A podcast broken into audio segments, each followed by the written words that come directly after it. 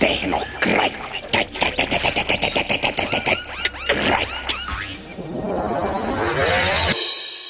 tere kuulama Tehnokratti, mina olen äh, nagu sellistel puhkudel ikka, Pets ehk äh, Peeter Marvet ja tegemist on kuueteistkümnenda augusti Tehnokratiga aastal kaks tuhat kaheksa.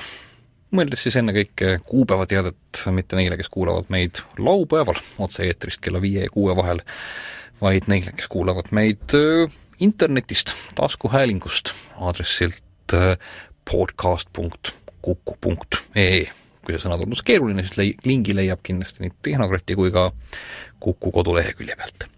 meie seekordne saade, saate teema on äh, ajendatud äh, ühest postitusest, mis jäi mul äh, mõni nädal tagasi, on vist õige öelda, silma Jüri Saare ajaveebist aadressil vabaloog.ee. olen ma Jürit lugenud pikemat aega, ma usun, et tema mõningaid tegevusi, ennekõike sinu magistritööd on saanud innovatsioonist ja auhindadest on saanud saates ka korduvalt mainitud. sellepärast ma mõtlesin, et oleks sobilik koht kutsuda Jüri Seltsi. aga kuna postitus ise käis sellise teema kohta, nagu seda on seotud e-kaubandus ja Eesti seadused. ehk Jürile jäi muuhulgas silma see, et e-kaubanduse puhul on Eestis nõutav viiskümmend protsenti ettemaksu, tähendab, selles mõttes ei, tohi küsida rohkem kui viitkümmend protsenti ettemaksu niipidi. ja mis tundub, et päris paljudes kohtades ei toimi.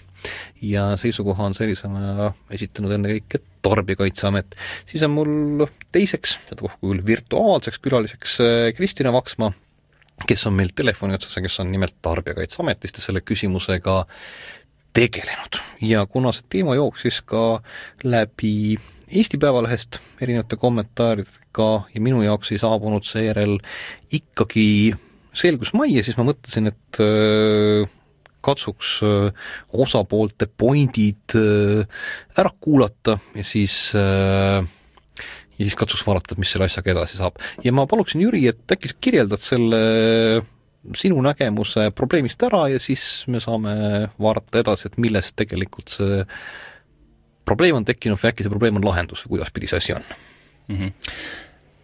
no tegelikult kõik algas vist sellest, et ma niisuguse aprillikuu keskel käis vist kuskilt Äripäevast läbi, et Tarbijakaitseamet kaalub tõsiselt nii-öelda tagatisraha kehtestamist e-poodnikele.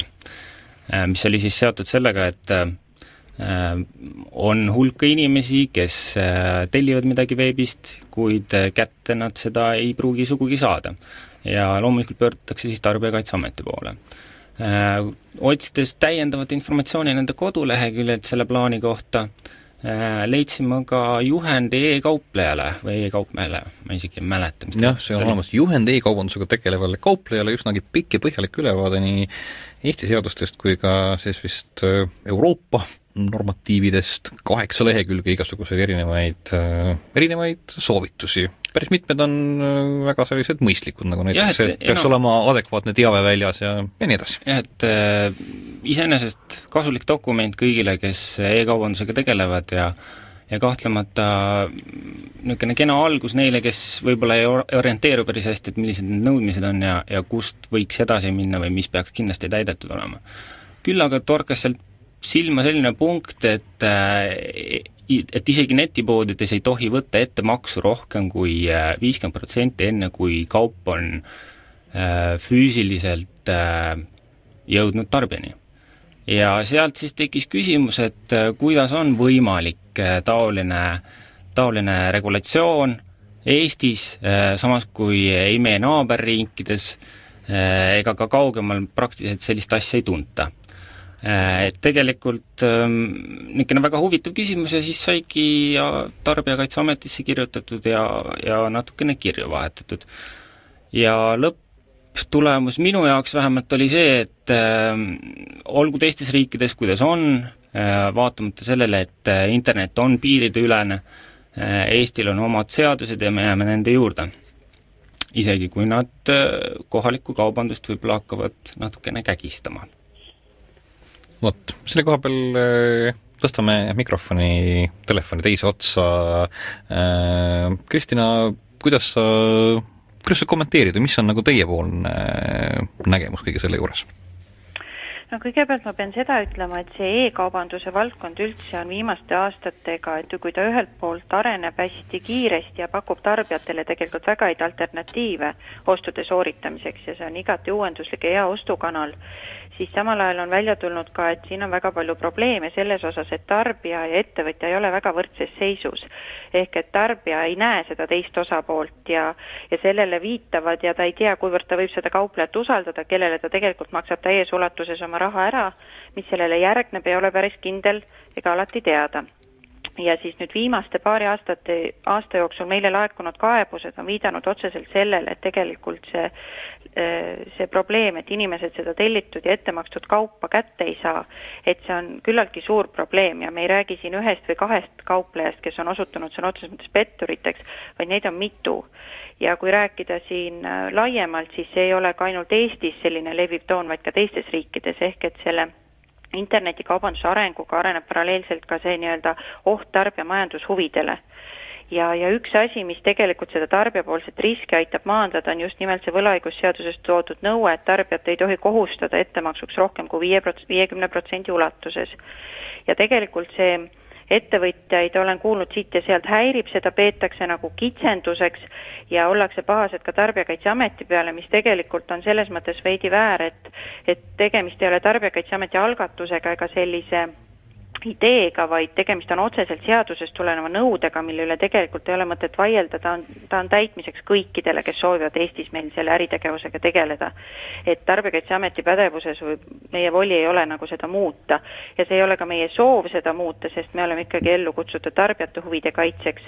ja selle viiekümne protsendiga on ju tegelikult mõlema osapoole, tarbija ja kaupleja, riskivad võrdselt.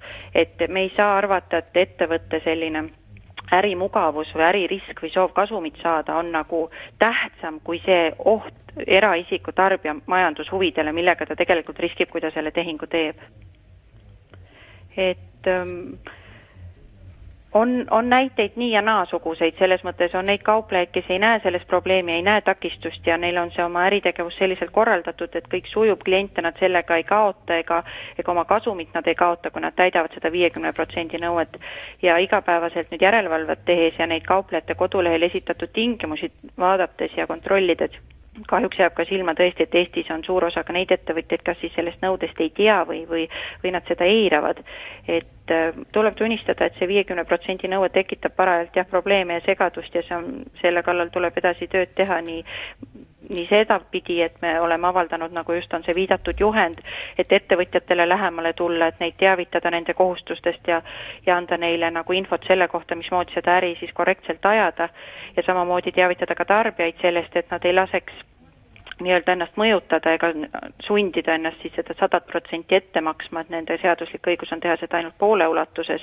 et Tarbijakaitseameti sellist teavitustööd tehes peamine eesmärk on ikkagi nagu turg korda saada ja mõlemate osapoole õigused, et oleksid tagatud, mitte üht või teist osapoolt nii-öelda kiusata või, või, või mõeldes ainult ühele tehingu osapoolele. tähendab, see tähendab, äh, kuidas see praktiliselt nüüd, äh, Pets tahab teha netipoodi, müün äh, oletame, et mingisugust äh, tarkvara näiteks. et kuidas see nagu siis minu, kuidas see tehing peaks nüüd äh, siis äh, käima, inimene tuleb minu veebi, tahab osta kaupa, valib selle välja, ütleb, et nii-öelda see check-out või või mis see nii-öelda tehingu sooritamine on äh,, mis siis äh, tema, tema maksab viiskümmend protsenti ära ja siis tuleb kaup postiga kohale, saab arve ja maksab pärast äh, ülejäänud viiskümmend protsenti, kui nagu sobilikuks osutub või? No selles mõttes ei, ei saa seda päris nii tõlgendada, et kui tarbijale nüüd sobilikuks osutub seda maksta, samamoodi võib viidata, et siis, kui kauplejale osutub sobilikuks see kaup ära saata, kui tarbija on sada protsenti ette maksnud, et mm -hmm. siin on mhm. mõlemal osapoolel on ikkagi konkreetsed kohustused, nad on mm -hmm. lepinguga mhm. seotud ja mõlemad pooled peavad oma kohustused täitma. aga see teie poolt kirjeldatud skeem on üks võimalik, aga tegelikult Tarbijakaitseamet nüüd ei saa ettevõtjatele sellist noh, skeemi ette öelda, kuidas oleks kõige otstarbekam või praktilisem seda müügiprotsessi korraldada. iseenda eest räägivad need kauplused ju, kes tegelikult on ka selliseid kauplusi nii Eestis kui välismaal, kes võtavad raha üldse siis ka see sada protsenti peale seda, kui tarbija on kauba kätte saanud. kuidas ta nüüd kahes osas ära millised, millised ta..., millised need on tuntutest? ma ei hakkaks väl-, nüüd nimesid küll välja ei, meil, me võime antud, ma arvan, et antud diskussioonis oleks selles mõttes nagu kasulik tuua, et see, me, me ei, me ei küsi kelleltki reklaami eest arvet selle eest, et ei, tähendab, Tarbijakaitseamet teadlikult väldib ah, nagu okay. Eh, firmasid eeskujuks seadmast, sest meil ei ole kunagi garantiid selle kohta, et seesama firma tänase päeva lõpuks ei satu seadusega pahuksisse, sest et me ei saa sellist Aha. jah, lubada endale, noh, selles mõttes me aga noh, palju, palju, palju neid selles mõttes, neid tüüpilisi kohtasid on, sest et kui ma noh, kõik kohad, kust mina olen siiamaani ostnud nii tarbijana kui kellena iganes, siis noh, ma praktiliselt alati tasun ette, tähendab nii igasugused muusikapoed, kus ma tasun veel ette seejuures ka mingisuguse ütleme, kuuajalise tellimuse näiteks, selles mõttes, et ma pääsen sellele mingisugusele kogule ligi aastaajalise tellimuse. Eh, kõik veebihostingud, ma pole praktiliselt kusagil näinud võimalust äh, tasuda pärast nii-öelda teenuse või kauba kättesaamist, Amazon äh, noh, ja nii edasi. et selles mõttes, et noh, ma, ma, ma, ma ei suuda nagu ise leida, et selles mõttes oleks nagu kasulik siiski, kui me leiaksime mingisuguseid viiteid sellele siis on mul selles mõttes kahju, et ma neid ettevõtjaid otseselt nagu välja ei otsinud, et mm -hmm. et neid siin nüüd nimetada, kuigi aga, aga, aga, aga need suur, need suured kohad, kust reeglina otsitakse, tähendab, ega nende, nende kohta ma ütleksin, et nagu ühegi kohta vist ei saa väita, et see niimoodi toimiks ju ma ei julge niimoodi öelda, sest et ma, ma ei oma sellest, ütleme, veebikaubandusest nii suurt ülevaadet, aga ma tooksin sellise nagu fakti välja, et kui me, kas see oli nüüd aasta tagasi, kui ma ei eksi, kui me ühe suure rahvusvahelise aktsiooni, järelevalveaktsiooni käigus kontrollisime siis Eestis kuutekümmet seitset erinevat kodulehekülge, mis pakkus siis ka nagu sidevahendi abil sõlmitud lepingute teel kaupu müügiks ja sellest kuuekümne seitsmest koduleheküljest neljakümne seitsmel kauplejal ei olnud need müügitingimused seadusega kooskõlas.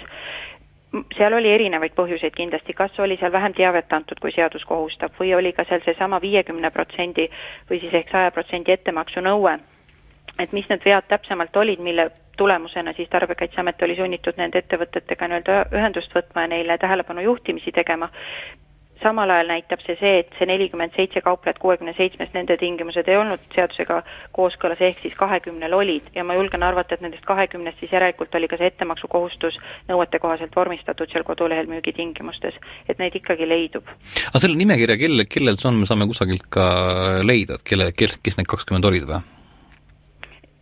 Ma, ma ei usu, ma arvan, et äh, ma olen lihtsalt selle ühe faktina aha, välja toonud aha, siin okay., äh, meenutades neid varasemaid kontrollaktsioone sel teemal. aga selliste kontrollaktsioonide tulemused on, on nagu mitteavalikud, kui ka Tarbijakaitseamet teeb, et, et millised, millised olid nagu siis probleemsed ja millised mitte? Äh, selles mõttes, kui me teeme lihtsalt järelevalvetööd, siis neid meil ei ole jah kohustus avaldada, et kellega aga mõne avaliku teabenõudega võin seda teilt selles mõttes küsida, need nimekirjad ähm,? Kas see on selles mõttes hetkel vastuse ta... võlgu selles mõttes, et kas meil on praegu vaja saada täpselt ülevaade ei, Eesti kauplejatest, kes täidavad seadust? ei, mind huvitab lihtsalt selles mõttes, et mind huvitavad näited, et kui mul on mm., mul on, mis, mis on minu jaoks tegelikult probleemiks, on see, et, et maailmas on olemas noh, niisugune nagu hästi palju internetikaupluseid.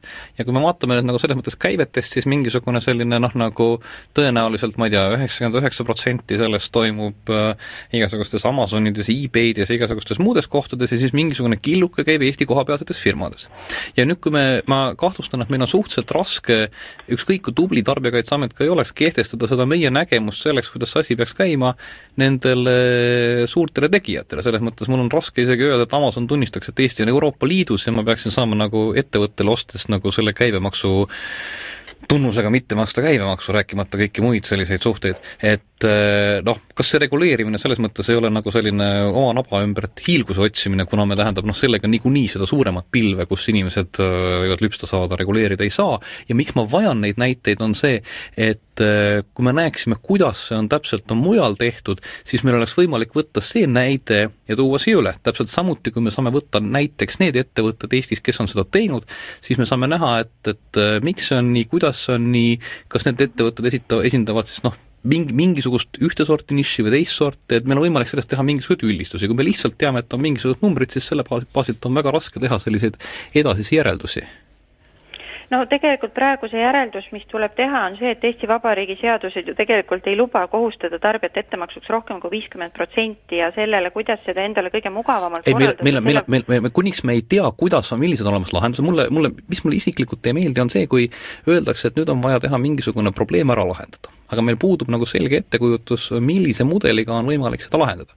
et sellisel puhul mina ütleksin, et tuleb lihtsalt äkki, kui me ei suuda praegusel hetkel nimetada seda, kuidas neid asju teisiti tehakse ja puudub niisugune, siis, siis, siis äkki me peaksime seaduse ära muutma, et meil on, see on ka tegelikult üks lahendus, kui te peate seaduseid järgima, siis me võime ka seaduse ära muuta, et see on ka täiesti võimalik lahendus. jah, see on nüüd, ütleme siis veebikauplejate poolne võib-olla lahendusseadus ära muuta, aga kõik inimesed, kes Eesti Vabariigis elavad, on samal ajal ka tarbijad ja tarbijate huvides see ju kindlasti ei ole ja siis on tarbija huvides ei ole ka need hinnad, millega ma pean Eestist asju ostma, selles mõttes, olgem ausad, eks ju tarbija huvides on see, et ma ostan äh, äh, kaubandust äh, kusagilt väljaspoolt Eestit, võib-olla Ameerikast, nii edasi, eks, ma kasutan siin võib-olla netikullerit selleks, et agregeerida, osta ja saavutada veel suuremat hinnavõitu.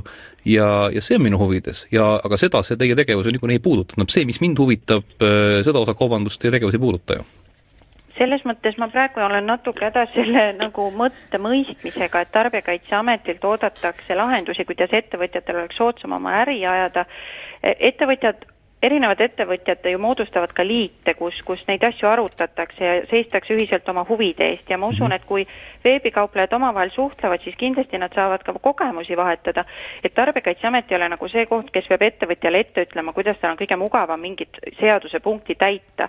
samas mhm. oleme me igati avatud ja nõus suhtlema. minu, aga mul on, aga mul on, ma, ma leidsin siit selles mõttes teise hea lahenduse, et ma registreerin ennast Lätis ja müün.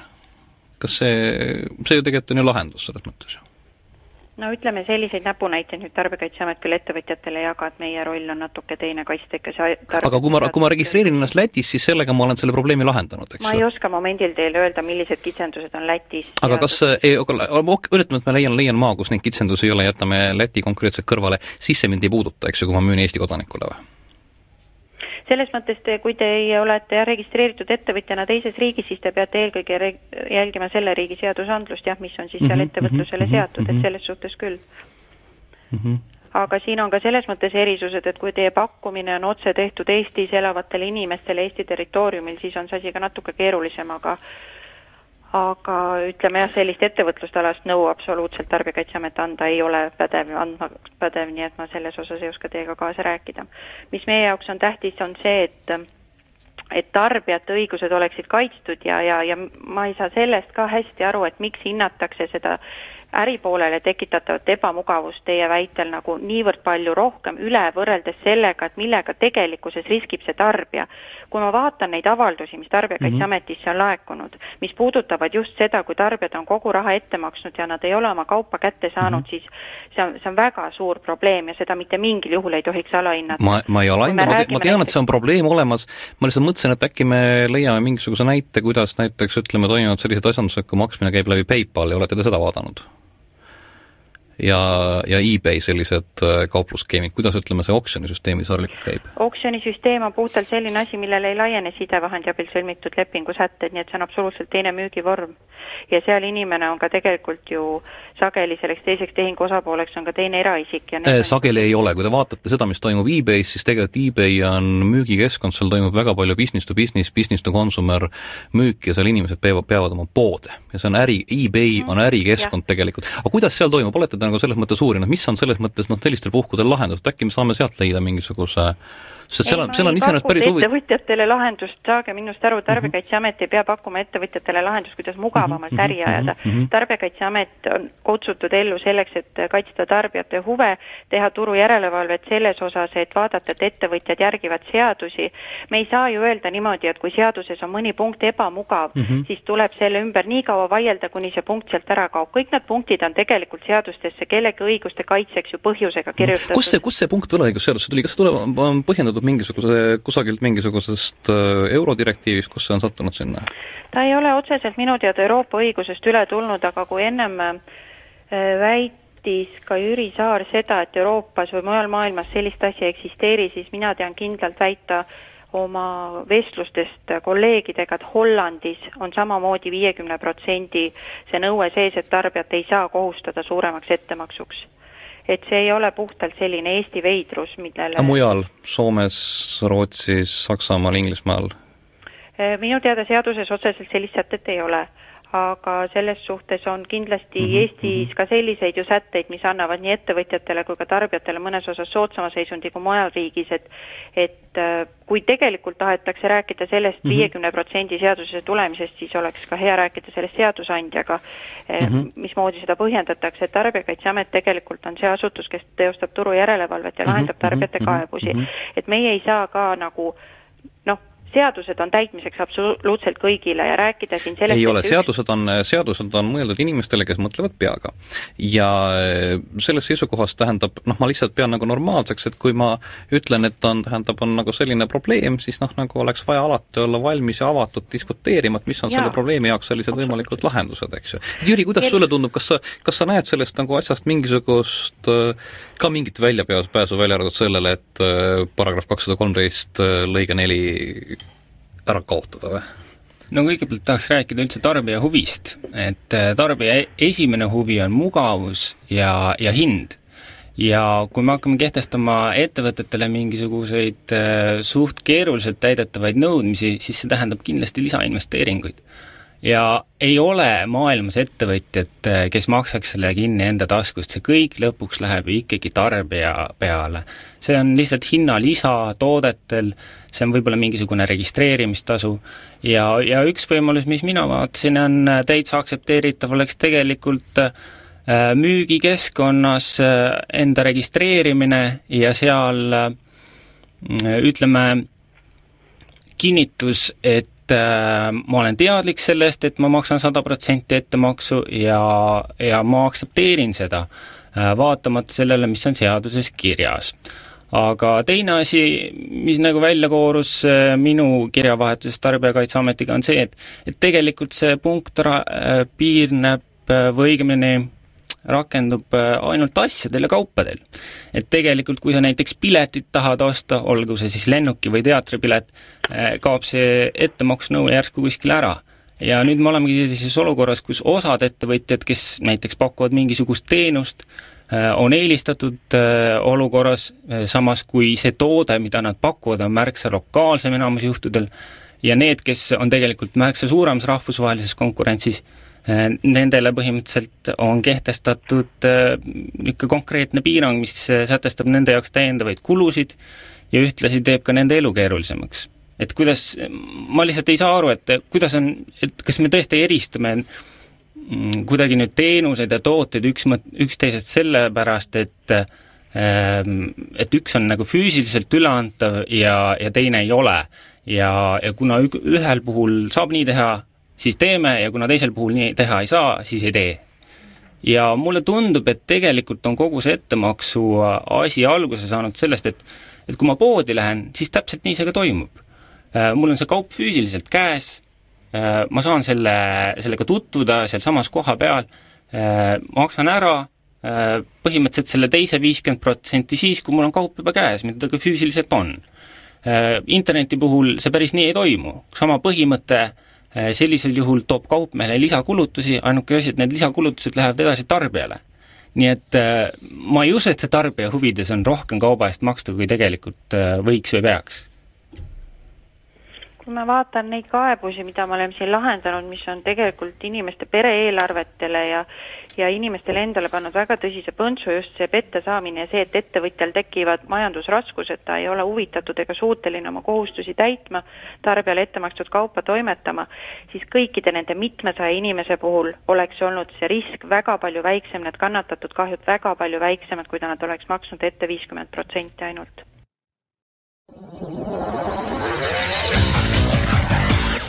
Tehnokratt.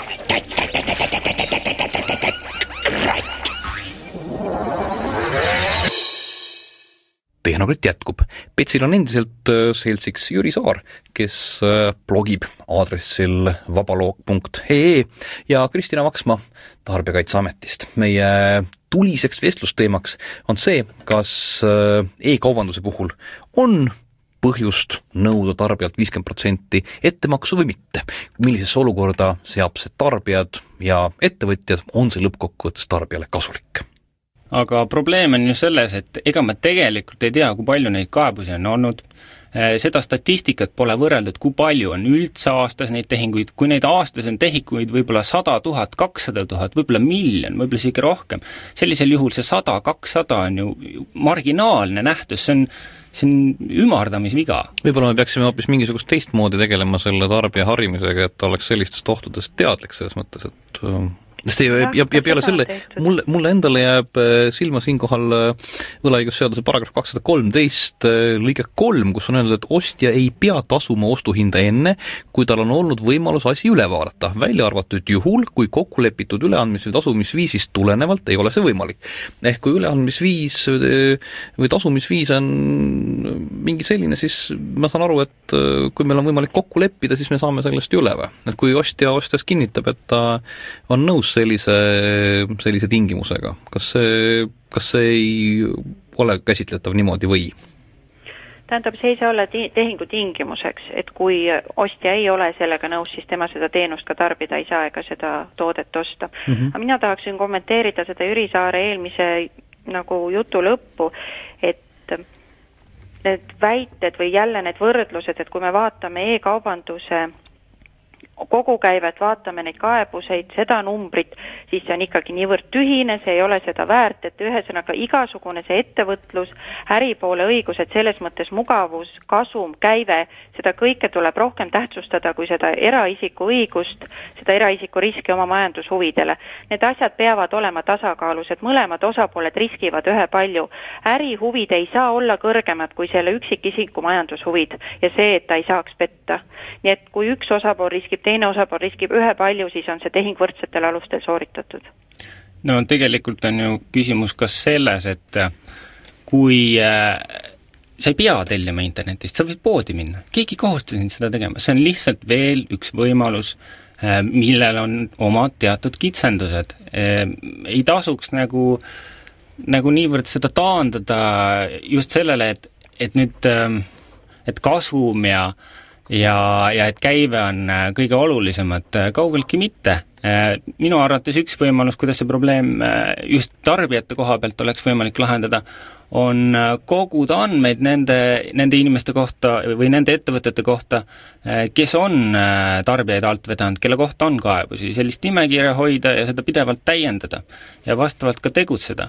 mitte lähtuda eeldusest, et viimne kui üks netikaupmees on kohe automaatselt pätt, et ta tahab sind nöörida, ta ei taha sulle seda kaupa saata, ta tahab sinult ainult raha saada, ja, ja lõppude lõpuks, kui sa niimoodi enda, enda kliendiga, äh, tarbijaga suhtud, et äh, üleolevalt sa ei saada talle kaupa, äh, ükski ettevõte ei püsi niimoodi kaua. sellepärast meil on konkurents.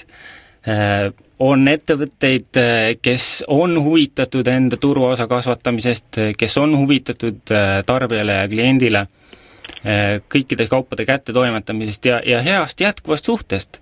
Äh, kui ta on rahul teenusega, mida ta on saanud, ta ju tuleb tagasi ometigi jah, te praegu teete ettepaneku võidelda tagajärgedega, näha on, et kui juba on need inimesed ohvriks langenud, kes on midagi tellinud, teine osapool on neid alt vedanud, siis reeglina selliseid asju saab lahendada ainult kohtus.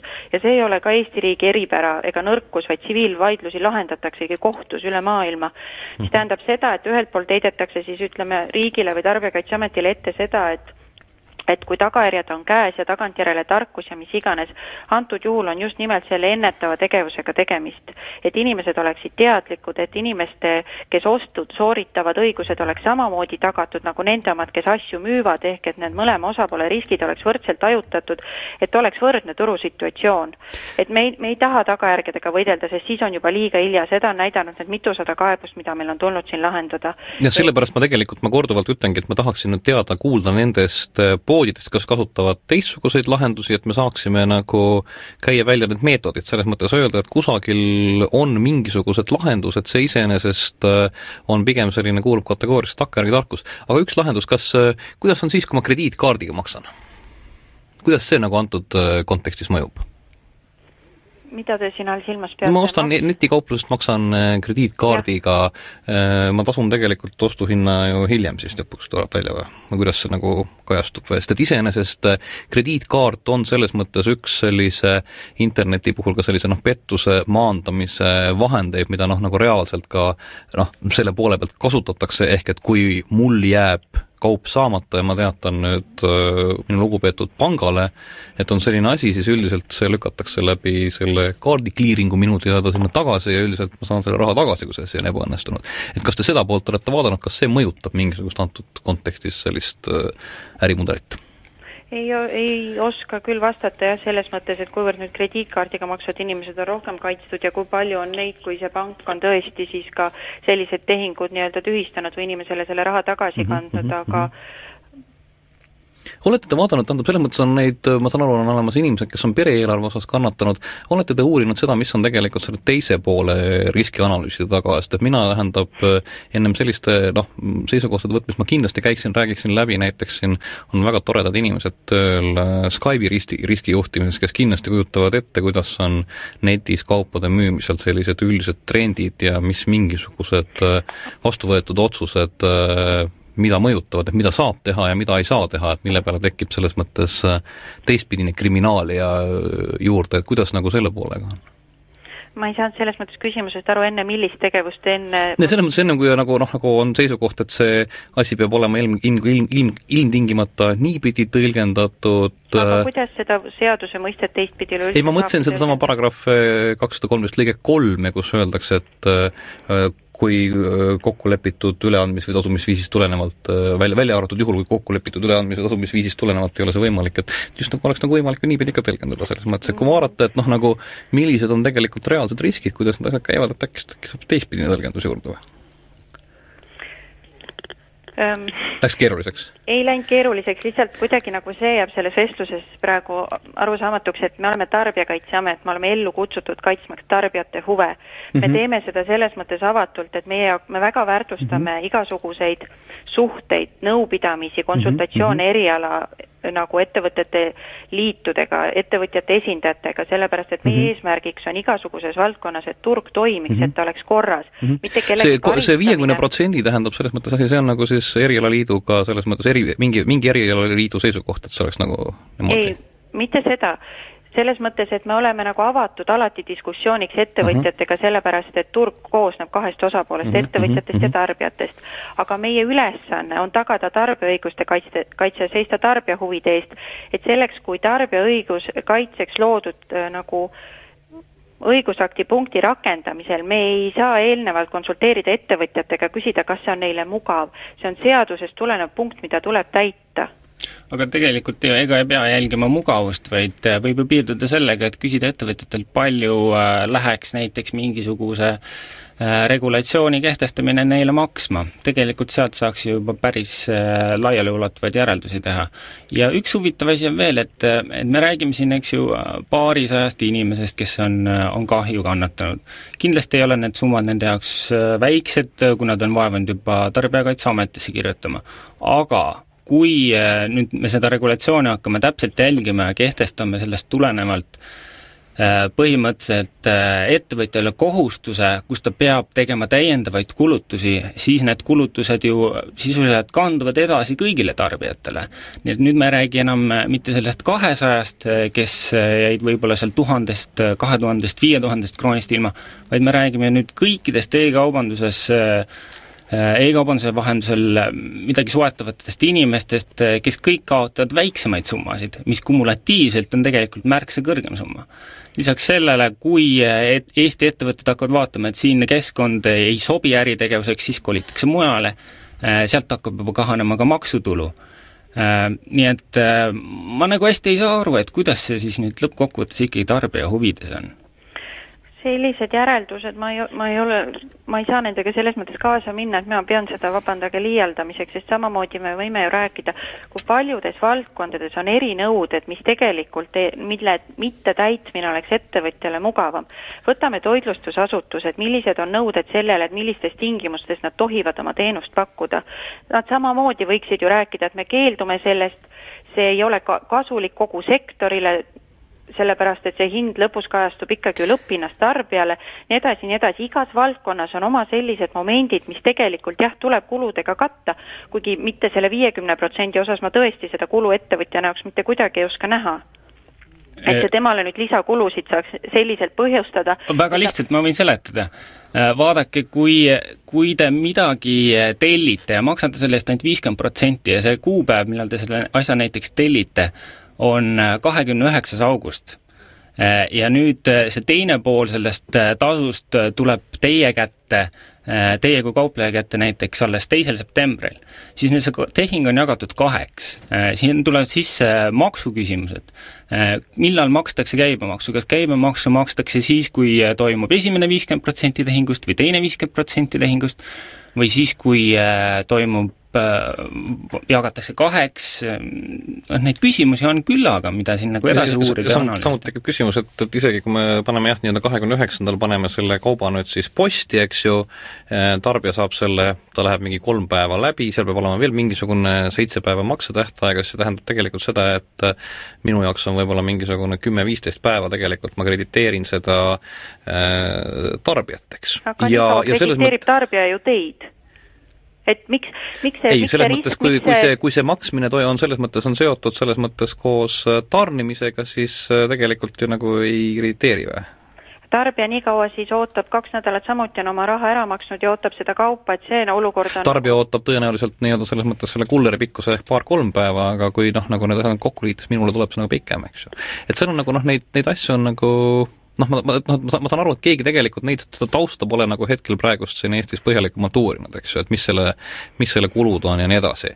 et see on nagu, see tuletab mulle lihtsalt meelde ühte toredat raamatut, mille peale oli, mille pealkiri parafraseeris tuntud ütlust, et äh, on olemas väiksed valed, suured valed ja statistika mis ütleb, et äh, väga sageli, kui äh, ka mingisugused huvigrupid äh, üritavad tõsta mingisugust probleemi suureks, siis leitakse alati selles mõttes selline dramaatiline kannataja ja öelda, et meil on olemas dramaatiline kannataja, võimaldab tegelikult edasi minna mis tahes sellise edasise kampaaniaga. üks selliseid markantsemaid asju, mida ma olen viimasel ajal põhjalikult jälginud meedias, on kogu selline see pedofiilia pool mis on järjekordselt vaieldamatult väga paha kuriteoliik, aga selle seos internetiga. ehk kui hakata vaatama statistikat, siis tuleb välja tegelikult, et äh, statistiliselt on interneti osakaal on väike, loomulikult jällegi selle kuriteoliigi puhul ka väga väike osakaal on probleemne, aga mis tuleb sellest välja, on see, et soovitused, mis jooksevad meediast korduvalt ja korduvalt läbi, on orienteeritud lähtumisest sellele, et suvaline inimene on ohus suvaline laps on ohus, internetis äh, luur-, luuravad ringi kurjad äh, onud, samas kui hakata vaatama, ma Eesti statistikat ei tea, Ameerika statistika järgi vaadates, siis äh, tegelikult joonistuvad statistika peale vaadates välja konkreetselt riskigrupid, kellega tuleks eraldi tegeleda. Ja need tõenäoliselt ei ole selles mõttes teie keskmised lapsed, eks ju. ja tänu sellele, et me tõlgendame neid numbreid valesti, võtame selle dramaatilise poole ette, siis me tegelikult äh, ei kaitse neid äh, lapsi, keda me peaksime kaitsma ja tõenäoliselt ei pööra ka võib-olla õiguskaitse poole pealt piisavalt tähelepanu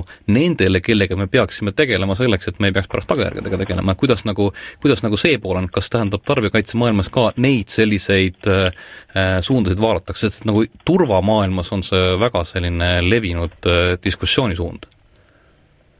selles mõttes, et oma järelevalvetöös ja kaebuste lahendamisel, mida me teeme puhtalt lähtuvalt õigusaktides esitatud nõuetest mm, -hmm. me mhm. tõesti äripoole võimalikke kahjumeid ega nende võimalikku ebamugavust ei analüüsi mm. -hmm. sellepärast, et mina, ma ütlen ausalt see, see viiekümne protsendi ettemaksu nõue, millega pannakse mõlemad osapooled võrdsesse seisu mm, -hmm rääkida sellest nüüd sellises kontekstis, et kui tõesti, kuivõrd võimatuks, ebamugavaks ja ka kahjumlikuks see muutub net, muudab netipoodide tegevuse mm, -hmm. siis ma ei saa sellega nõustuda ja ma ei saa seda tõsiselt võtta, et, et see on nüüd selline proovikivi äritegevuses, et sellepärast tuleb nüüd äh, tuua siin paralleele pedofiilia ja millega iganes, tegelikult see asi ei ole vist ikka päris selline. on poode, kes on saanud seda rakendada, mhm, Tarbijakaitseamet igapäevaselt järelevalvetööd jätkab, et neid poode tekiks rohkem, see tähendab seda, et ettevõtjatele see signaal edasi anda ja, ja neid õigusloomega kurssi viia.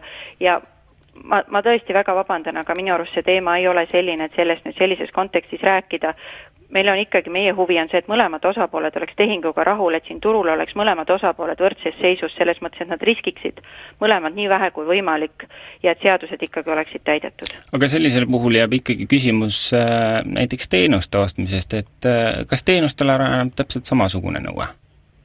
ma praegu jään selles osas vastuse võlgu, et ma ei ole hariduselt jurist, et ma ei saa Aha, võrrelda okei, teiega aga- sidevahendi abil sõlmitud lepingu, müügilepingu ja töövõtulepingu erisusi, aga selline kaupade vahendamine sidevahendi abil, sellel puhul on kindlalt võlaõigusseadusest tulenevalt see viiekümne protsendi nõue, et rohkemaks ei tohi ettemaksu, suuremaks ettemaksuks tarbijat kohustada ja, ja see on fakt. okei okay,, aga siis selline küsimus veel ka, et mm, hiljuti tegi Arengufond investeeringu sellisesse ettevõttesse nagu Smartpost, kelle peamine äriidee seisnebki selles, et panna näiteks kaubanduskeskustesse üles enda eh, nii-öelda põhimõtteliselt kapid, kuhu siis eh, inimestel on võimalik eh, tellida midagi läbi interneti. tellivad postkontorist või näiteks postiljon toob hoopis sinna, nemad sisestavad mingisuguse koodi ja saavad siis kauba kätte. Kas see sisuliselt ei välista sellise ettevõtluse vormi Eestis? Kas Arengufond on teinud äkki investeeringu väga valesse kohta, küsid sa ma teisiti ei ole või? selle Jah. taustaga kursis, ma ei ole täpselt kursis, millise lepingu liigi alla läheks sellise tehingu sooritamine, et äh, tehing sooritatakse automaadi abil või tehing sooritatakse füüsilise isiku abil, ma jään hetkel vastuse võlgu, ma ei ole kursis selle arendusega. Eh, Kõik peaks toimuma automaatselt. kui välja arvata see, et üks inimene paneb selle sinna kasti, aga noh, kasti panemine on igasuguse Jah. müügi puhul keegi ikka kusagil paneb kasti. Läks keeruliseks. Ma arvan, et me teeme nüüd sellise loo, et me tõmbame siin koha peal äh, otsad äh, kokku, otsapidi sellepärast, et meil on äh, seoses olümpiaga lühemad saated, samuti ma tegelikult, kui ma küsisin Kristina Vaksmalt Tarbijakaitseametist kommentaari, siis ma arvasin, et meil läheb oluliselt vähem äh, aega, aga vaidlus läks äh, tulisemaks, kui ma arvasin, ma veel alguses arvasin ka, et me Jüriga jõuame veel siin igasuguste muude teemade juurde, aga näe, meie selleni ei jõudnud äh, teps mitte. ja sellega seoses äh, ma arvan, et me peaksime nüüd mõtlema siit edasi, kuhu liikuda. mina liigun edasi niimoodi, et ma üritan, ja vahest võib-olla saab ka Jüri selle poole pealt aidata, et katsuks nagu vaadata, kas me leiame mõned öö, majandusinimesed, kes ütlevad kas, kas viiskümmend protsenti ettemaksu on öö, osapoolte võrdsesse olekusse panemine ja mida ütlevad äh, selle kohta sellised kaubandusega seotud inimesed, äh, mida ütlevad sellega inimesed, kes on tegelenud erinevate nii ütleme, põhimõtteliselt sisuliselt krediteerimise kui ka muude riskijuhtimistega, sest meil on olemas äh, päris palju ettevõtteid, kes võtavad takkajärgi raha, kui te vaatate näiteks mobiilioperaatorid, võtsid pikka aega suures osas takkajärgi raha, pärast on hakanud võtma teise meetodiga ette raha ja pakkuma selle eest tarbijatele odavamaid teenuseid. oi, mobiilikõnekaardid on ju ka just niisugune küsimus tegelikult ju. näed, see asi on ka, kuidas nendega on? Aga me praegu seda ei tee, me küsime ekspertidelt kommentaari ja siis äh, tuleme vahest äh, tagasi. aitäh siinkohal äh, Jüri Saarele ja Kristina Vaksmaale teemat arutamast, ma loodan, et me saame selle asja juurde veel korduvalt ja korduvalt tagasi tuua, tulla. teenurid sellega lõpetab, kohtume järgmisel nädalal samal ajal, samas kohas. seniks aga nagu ikka, lehv-lehv